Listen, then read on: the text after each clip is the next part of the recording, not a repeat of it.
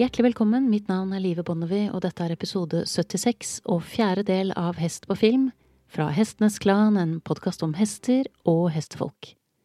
Med sine godt over 200 000 følgere på Instagram så har Mathilde Brandt gjort seg bemerket både i Norge og utlandet med hestene sine. Viktige stikkord er bittløs dressur, liberty og triksetrening. Eventyret startet med den svarte friseren Batman, så fulgte den borkede dølahesten Iver, som i disse dager gjør sin brakdebut foran kamera som hesten til prinsen i nyinnspillingen av Tre nøtter til Askepott. Også i denne episoden inviterer jeg deg inn bak kamera i bransjen jeg har jobbet i mer enn 20 år, for å se nærmere på hvordan vi forholder oss til hester på film.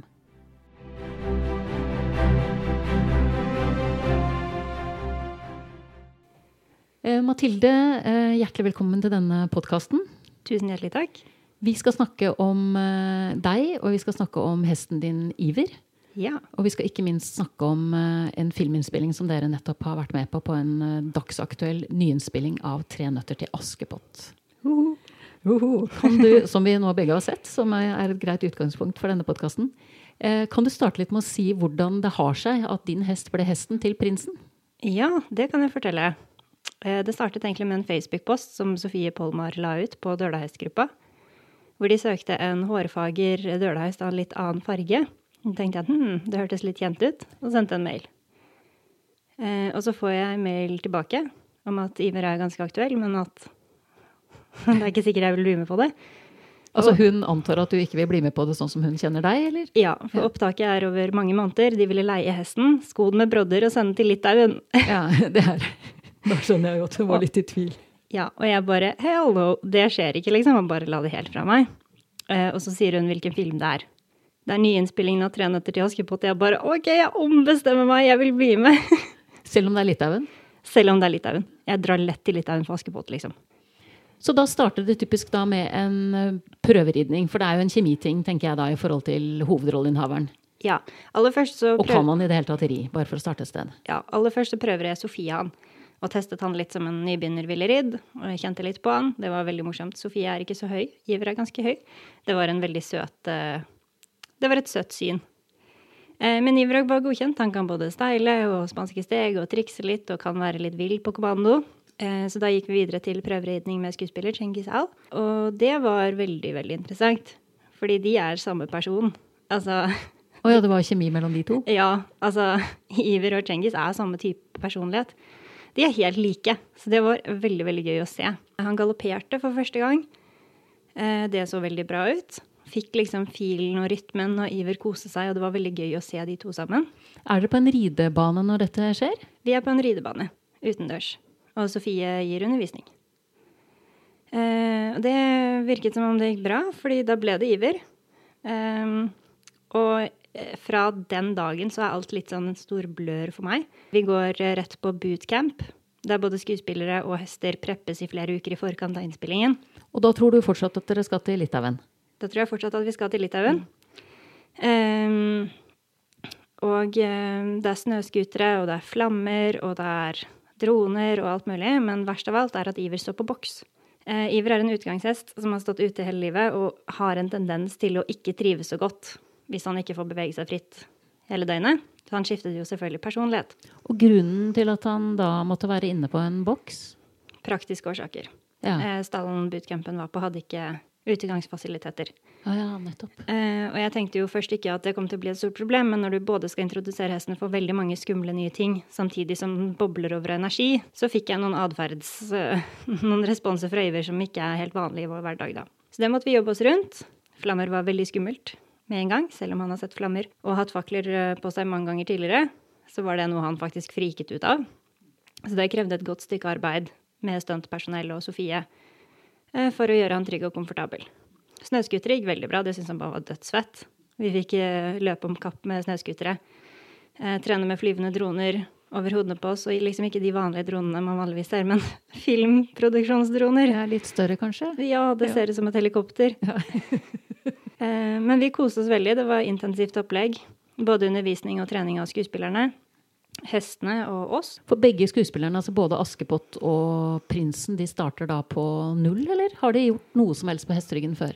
Jeg tror eh, Sofie startet med dem på null. Eh, de startet rideundervisningen et par uker tidligere før vi kom inn i bildet, med fjordingen Binjo.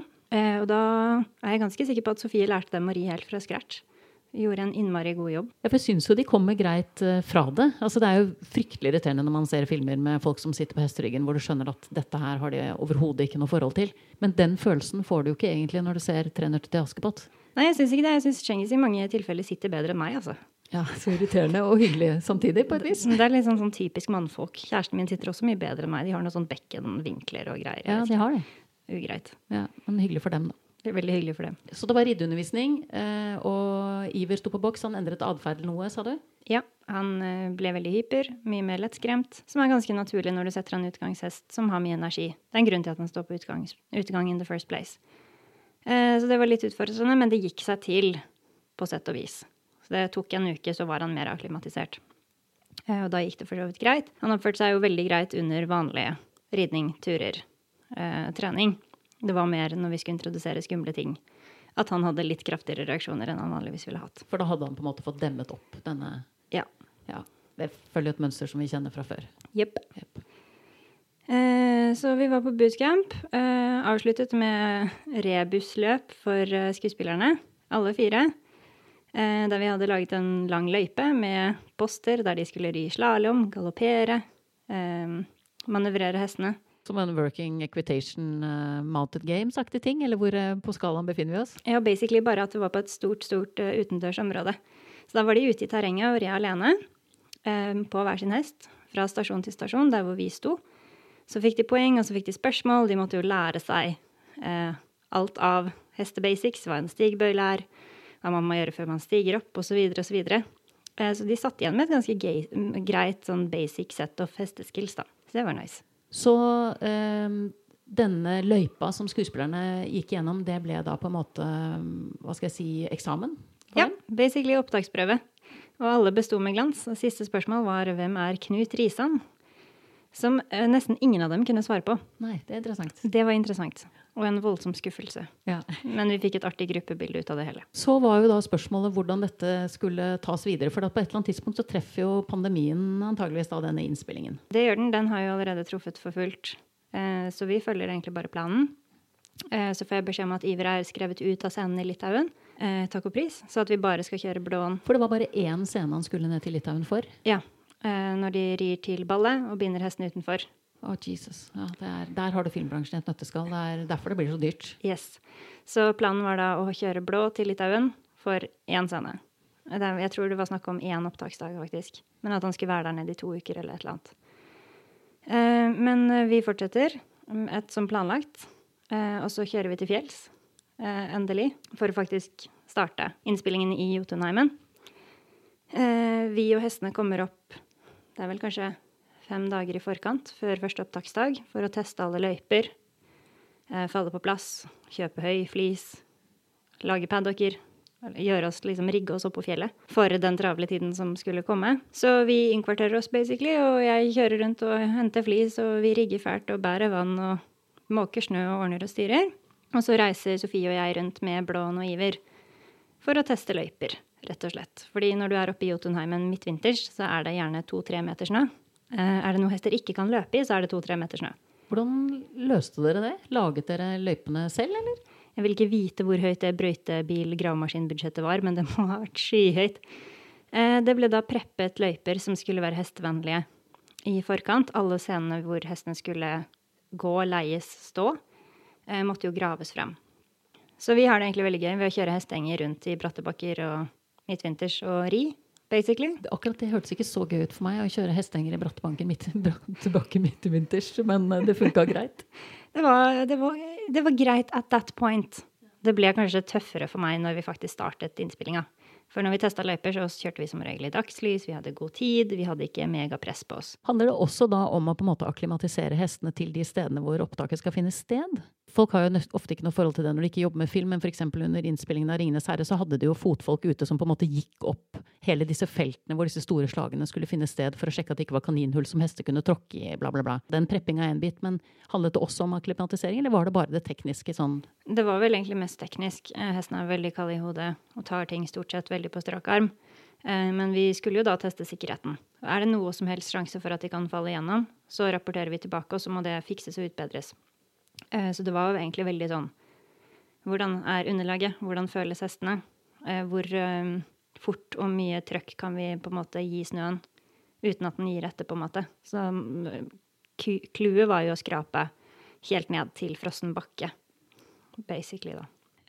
Og etter noen dager med det Eh, et par eh, runder med panikk fra min side når vi skulle kjøre opp en veldig bratt bakke.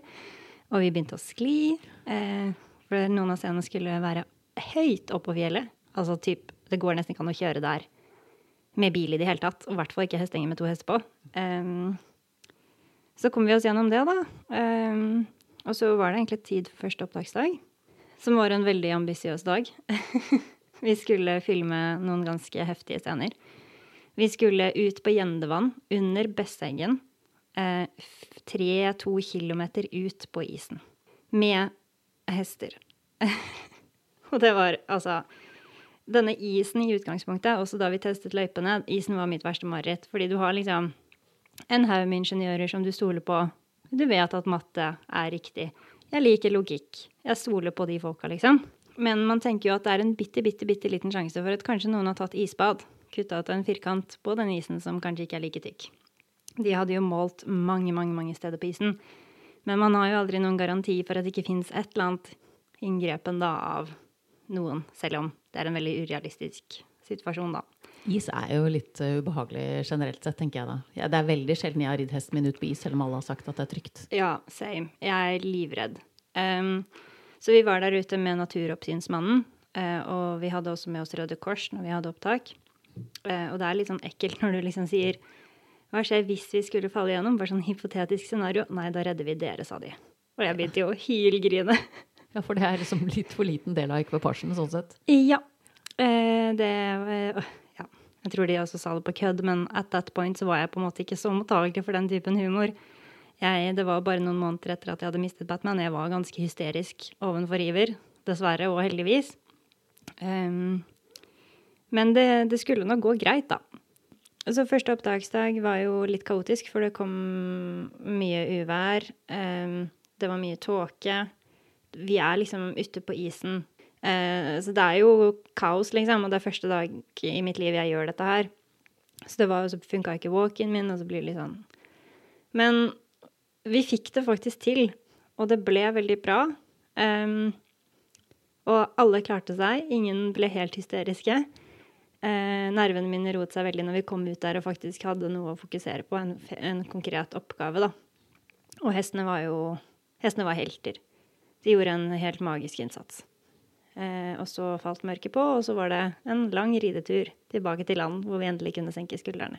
Ja, for da rei dere inn igjen eh, til land fra, altså fra opptaksplassen ute på isen noen kilometer ut? Så. Yes. Mm. Og det var første opptaksdagen.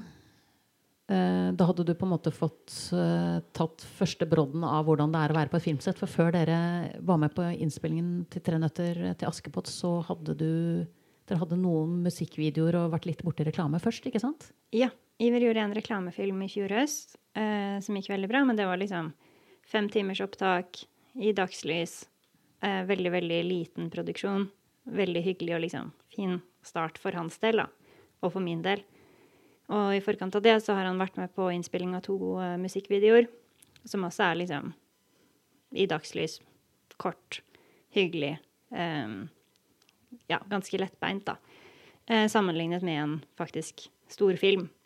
Blir et litt annet apparat? Det er et litt annet apparat, og det er et litt annet Altså, Sofie måtte jo lære meg hvordan jeg leste planene. Fordi hvis du ikke har vært borti det før, så er ikke det noe som er veldig logisk alt er fargekodet, og ting har Altså, jeg måtte jo lære meg 50 nye ord. Eh, jeg kunne jo ikke språket i det hele tatt. Eh, jeg visste ikke hvordan på en måte strukturen på hvem man snakker til i riktig rekkefølge Jeg visste jo ingenting, ikke sant. Så jeg var jo helt Jeg var, veld, jeg var på tynn is da, på en måte. Det var uvant for meg. Eh, men det gikk nå bra. Alt ordner seg, sier Sofie. Ikke for snille jenter. Alt ordner seg. På generell basis. Og det er jo på en måte det som er jobben vår som filmskaper også. Det er jo å sørge for at det ordner seg. Men det er jo, når man har, som vi har snakket om i noen tidligere podkaster her, når man har hester på sett, så er man jo også opptatt av å ivareta velferden til hestene. Mm. Og det var jo vår første pri, da. At hestene alltid skulle ha mat, vann, pauser. Har ikke telling på hvor mange hundre liter vann jeg har båret rundt på. Det var liksom, skulle alltid være en bøtte der, det skulle alltid være høy. Eh, hvis man hadde fem minutter pause, så skulle hesten liksom, da skulle hesten få hvile. Så vi, vi gjorde en innsats da i å passe på at de alltid hadde et sted å stå og hvile. Ta hodelag og utstyr og på en måte passe på at de fikk maks utbytte da av dødtid. Og de benyttet hver mulighet til å chille. Det var ikke veldig lenge action om gangen. Ikke noe mer enn en vanlig treningsøkt på hjemmebane. Så det blir ofte ventingen og på en måte rammen rundt tenker jeg, som blir utfordringen for en hest. da. I hvert for Iver. Eh, Blån er oppdratt av Jan Tage. Eh, Jan Tage er en veldig flink fyr til å oppdra hester til å stå stille. Jeg er en veldig dårlig hesteeier på den måten. Iver er laget for å gjøre ting fort og så være ferdig. Um, så jeg måtte jo trene Iver til å stå stille. Bundet lenge. Uh, han skulle jo stå bundet i opptil syv timer på det meste når man hadde opptak oppe på fjellet, og de måtte hvile i eller utenfor hestehengeren. Uh, så mitt treningsregime i forkant var nesten utelukkende oppbinding, stå stille. Og da brukte jeg positiv forsterkning og klikkertrening til å starte med fem minutter, og så øke det gradvis. Til Iver på en måte var OK, men jeg skal faktisk stå helt stille, og nå lærer jeg meg at dette er faktisk helt greit. Så det betyr at der hvor mange eh, hva skal jeg si, eh, har behov for å kanskje terpe på noen triks, så trengte du egentlig Det høres jo egentlig ut som du har ganske lik hest som meg. altså Han er ikke egentlig laget for uh, å bo inne, Nei. og er ikke laget for uh, slow motion, Nei. egentlig. Og det er jo mange hester som er veldig bedagelige og syns det er ok, men jeg har også en som ikke er lagd for det, da. Ja, noen border collie-hjerne. Ja, Hei, hva kan jeg gjøre for deg? Gi meg en oppgave. Jeg vil ha det moro nå. Eh, så vi hadde vel et par eh, situasjoner der Iver skulle være bundet i et tre, og så begynte han bare å grave. Han gravde seg først gjennom snøen, og så gjennom jorda, og så langt ned i jorda. Så var sånn han hadde gravd et hull. Fordi han kjeda seg så fælt. Og vi gjorde jo vårt aller beste for å på en måte lage paddocker overalt hvor det var mulig, og da syntes han det var helt chill. Men han liksom bare 'hallo, nå må det skje noe', og det endelig skjedde noe, og han hadde actionscener, og så jazza han seg jo litt opp. Han visste jo hva som skulle skje, og han lærte seg jo ordet action. Han skjønte at replikkene starta da, at han skulle løpe da. Og så ble han litt gira, så han begynte jo etter hvert å cue på action. Så før skuespillerne hadde hatt replikkene sine, så begynte han å løpe. Han var liksom 'jeg er på! La meg gjøre noe'. Han syntes jo det var dritgøy. Eh, og det var jo veldig hyggelig. Han var jo veldig passende hest til den rollen. Han skulle være litt vill og på en måte ha litt mye personlighet, da. Så det, det funka veldig bra. Han passer jo rett og slett veldig godt. Han gjør det. Ja, Han har utstråling, og fordi han, han er borket, det er en uvanlig farge, Det er det. så, så stikker han seg jo på en måte ut også. Fint utstyr har han, og han, eh, han kler jo egentlig å være hesten til en prins. Veldig. Og fargene til Iver og utstyret til Iver matchet jo også kostymet til prinsen. Det ble en sånn helt nydelig Altså, alt er liksom bare Det ser så bra ut, liksom. Astrid og Blån i de isblå, vakre sølv. Altså, så vakkert. Og så Cengiz med gull og Iver med gull, og det var bare sånn åh. Dette er gjennomført, liksom. Ja, det, det kommer veldig godt til uttrykk på lerretet, syns jeg. Det var veldig, veldig fint. Og så får vi etter hvert beskjed om at uh, ekvin terpesvirus, er det ikke det vi hadde pandemi av på hest? Uh, var på full eh, fart rundt i Europa, og å reise med hest på tvers av landegrenser var veldig vanskelig, både med tanke på karantenetid og vaksiner osv. Så, videre. så da ble også Blåen skrevet ut av Litauen-manuset. Og den scenen ble heller filmet i Norge, da.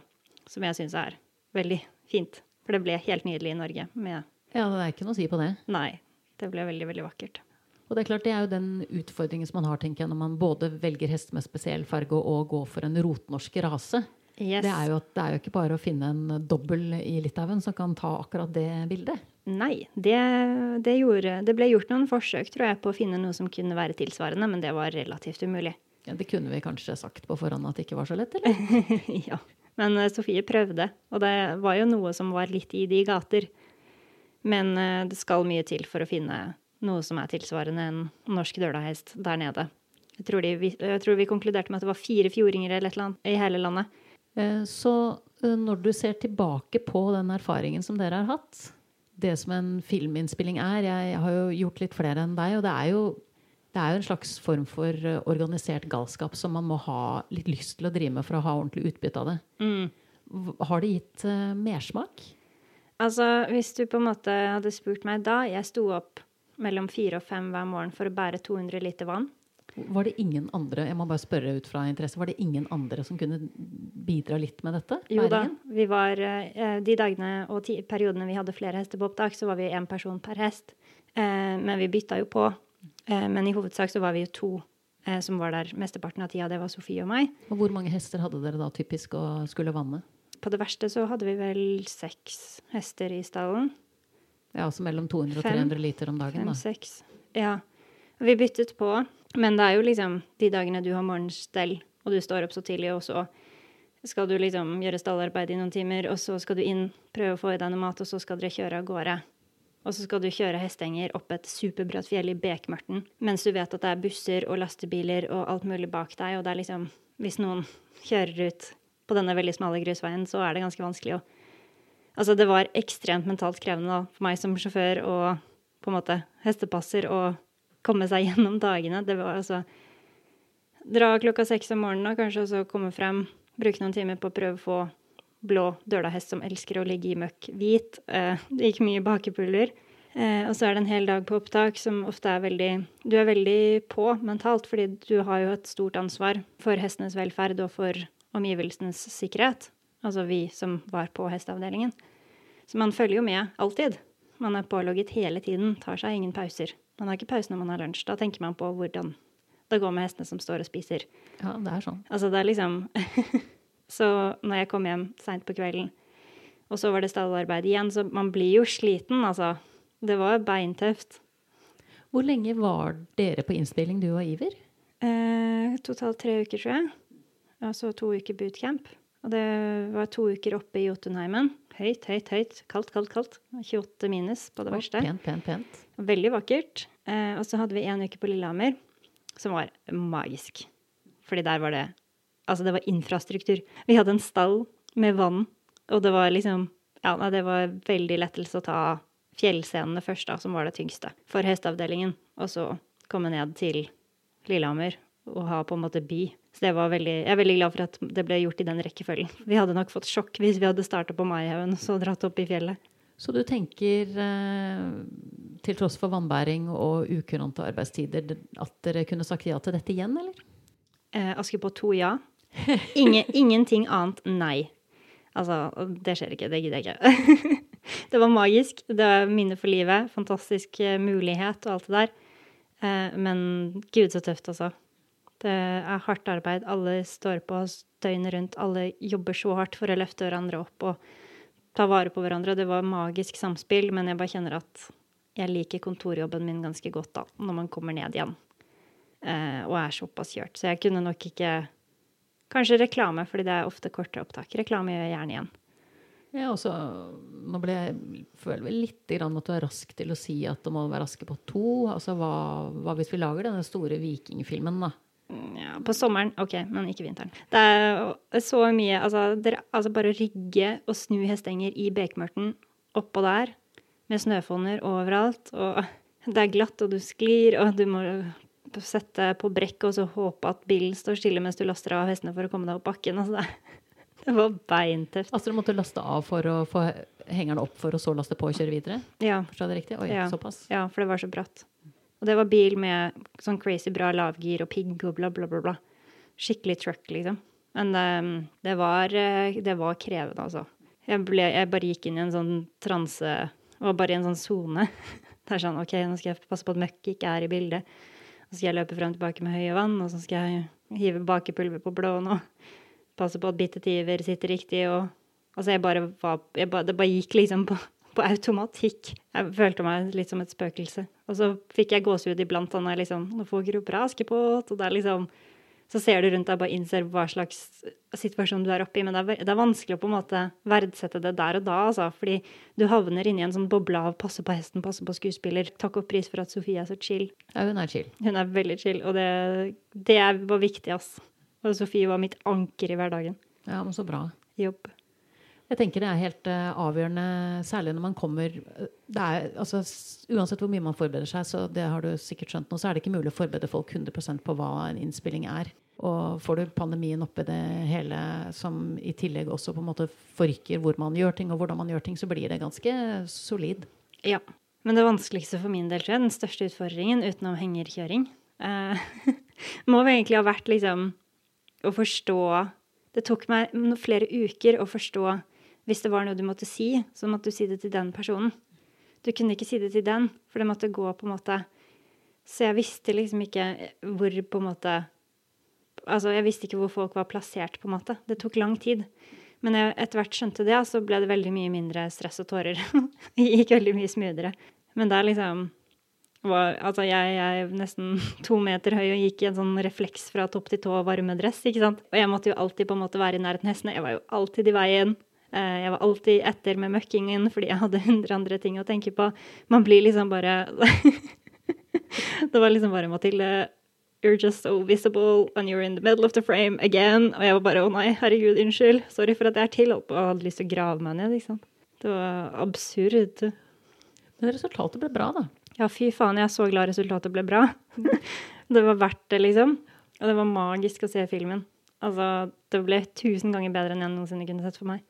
Det er veldig fine hestescener i, eh, i 'Tre nøtter til Askepott', rett og slett. Ja, og det er så gøy å tenke på at rett før de kutter det bildet, så står jeg og roper 'bra'! Med armene ut til siden og prøver å stoppe begge hestene. så nei, det, det var gåsehudmateriale, altså. Og det er jo Jeg er ekstrem Askepott-fan. Altså, 'Tre nøtter til Askepott' er jo hele min jul. Jeg har vært obsesst siden jeg var liten. Det er jo det mest magiske eventyret å kunne være en del av en sånn remake som ble så fin. Det er jeg har ikke ord, jeg er så stolt. Jeg begynte jo å gråte etter tre sekunder. Noen bare viste et fjell og litt musikk, og jeg begynte å hylgrine. Da jeg så traileren for første gang hos Nordisk Film, så bare satt jeg og gråt og gråt og gråt. Altså det var liksom, jeg bare, Tårene bare rant. Og de bare 'herregud, vi skulle filme reaksjonen din'. Så jeg er jo ufattelig stolt. Jeg er glad jeg kan sette sånn pris på det. Nå i ettertid, når jeg har fått det bitte litt på avstand og på en måte sett at fy søren, for et mesterverk alle sammen var med å skape, da. Det er jo deilig når en så hard innsatsbærer frukter. Ja. Og så er det utrolig, jeg må jo si, jeg syns det valget som er blitt tatt med å gå for de norske hesterasene, er utrolig stas. Ja. 1000 poeng til Sofie der, altså. Ja. Det var det kunne ikke hatt noe annet oppi de forholdene, og det så så bra ut. Og det er magisk reklame for både Dølhesten og Fjordhesten. Skulle gjerne hatt med nordlandshest også, men fy søren. Det trengte de norske rasene virkelig. Også. Og de får vise seg fra sin beste side, føler jeg. Altså, de, de, er jo skapt for det landskapet som de er i. Så det, det, jeg synes det, det, var nesten det jeg likte best ved at uh, også at filminnspillingen havnet i Norge. At du mm. får den der rotnorske signaturen. Og vi er alle glad i frisere, lusitanoer, PRR. Men å se norske dølahester og fjordhester i den filmen, det, det, kjentes veldig veldig riktig ut. altså. Det gjorde Utrolig det. fint grep. Ja, helt enig. Og det er litt sånn kaldt hode, varmt hjerte. Du vet at de kan både løpe om kapp i full fart og steile og masse action, og så kan de være din støttespiller i hverdagen, da. Det er liksom Du får hele spekteret. Det, var, det var rørende å se. Alle Enorm takk til alle hestefolk og alle fjordhesteeierne og rytterne, og det var bare helt magisk, hele greia. Det som blir spennende nå, da, for jeg er i samme situasjon som deg i forhold til originalen, 'Tre nøtter til Askepott', eh, hvilken det er man nå finner fram, det blir kanskje lettere for deg, men hvilken man nå finner fram når vi kommer inn i jula? Altså, det er veldig enkelt, fordi du ser vanlige, gamle Askepott på julaften. Mm. Og så ser du den nye kanskje i adventstida eller i romjula. En god plan, den kjøper jeg. Yes, jeg kjøper den sjøl. jeg tenkte eh, Mathilde, at jeg skulle avslutte med å stille deg det som er denne podkastens eh, signaturspørsmål. Ja. ja. Hva er det du ønsker at alle folk som driver med hest, eh, skal vite? Altså, har du noe på radaren din som du tenker å, dette kunne jeg ønske at folk tenkte mer over? Ja. Å, det er min hjertesak. Um, forventningsstyring. Jeg har en, en, sånn følelse av at dette går liksom på tvers av alle grener og alle miljøer. Folk forventer veldig mye fra hestene sine. Man legger lista så høyt. Og det syns jeg man skal jobbe litt med. Legg lista lavere. Det er ingenting av det hesten din gjør, som er en selvfølge. Du skal verdsette hvert minutt den står stille på stallgangen, at den kommer deg i møte i luftegården, at den blir med deg alene ut på ridetur. Det er stort for hesten, og jeg synes man skal respondere ovenfor hesten på en måte som gjør at man gjør det veldig tydelig at jeg setter pris på dette. Jeg verdsetter at du strekker deg så langt for meg, selv om det er en hverdagslig ting som du forventer i utgangspunktet. Tusen hjertelig takk for en fin oppsummering eh, av en god samtale, Mathilde. Selv takk. Og veldig mye lykke til videre med det som vi får se om blir Askepott eh, del to. ja, altså, jeg har hver celle i kroppen sier 'jeg håper ikke det blir en nummer to'. er det kontroversielt? Nei, det er ikke kontroversielt. Du skal ha tusen takk for praten. Takk, takk. Du har nettopp hørt episode 76 og fjerde del av Hest på film fra Hestenes Klan, en podkast om hester og hestefolk. Takk til min gjest Mathilde Brandt. Takk til min faste komponist Fredrik Blom.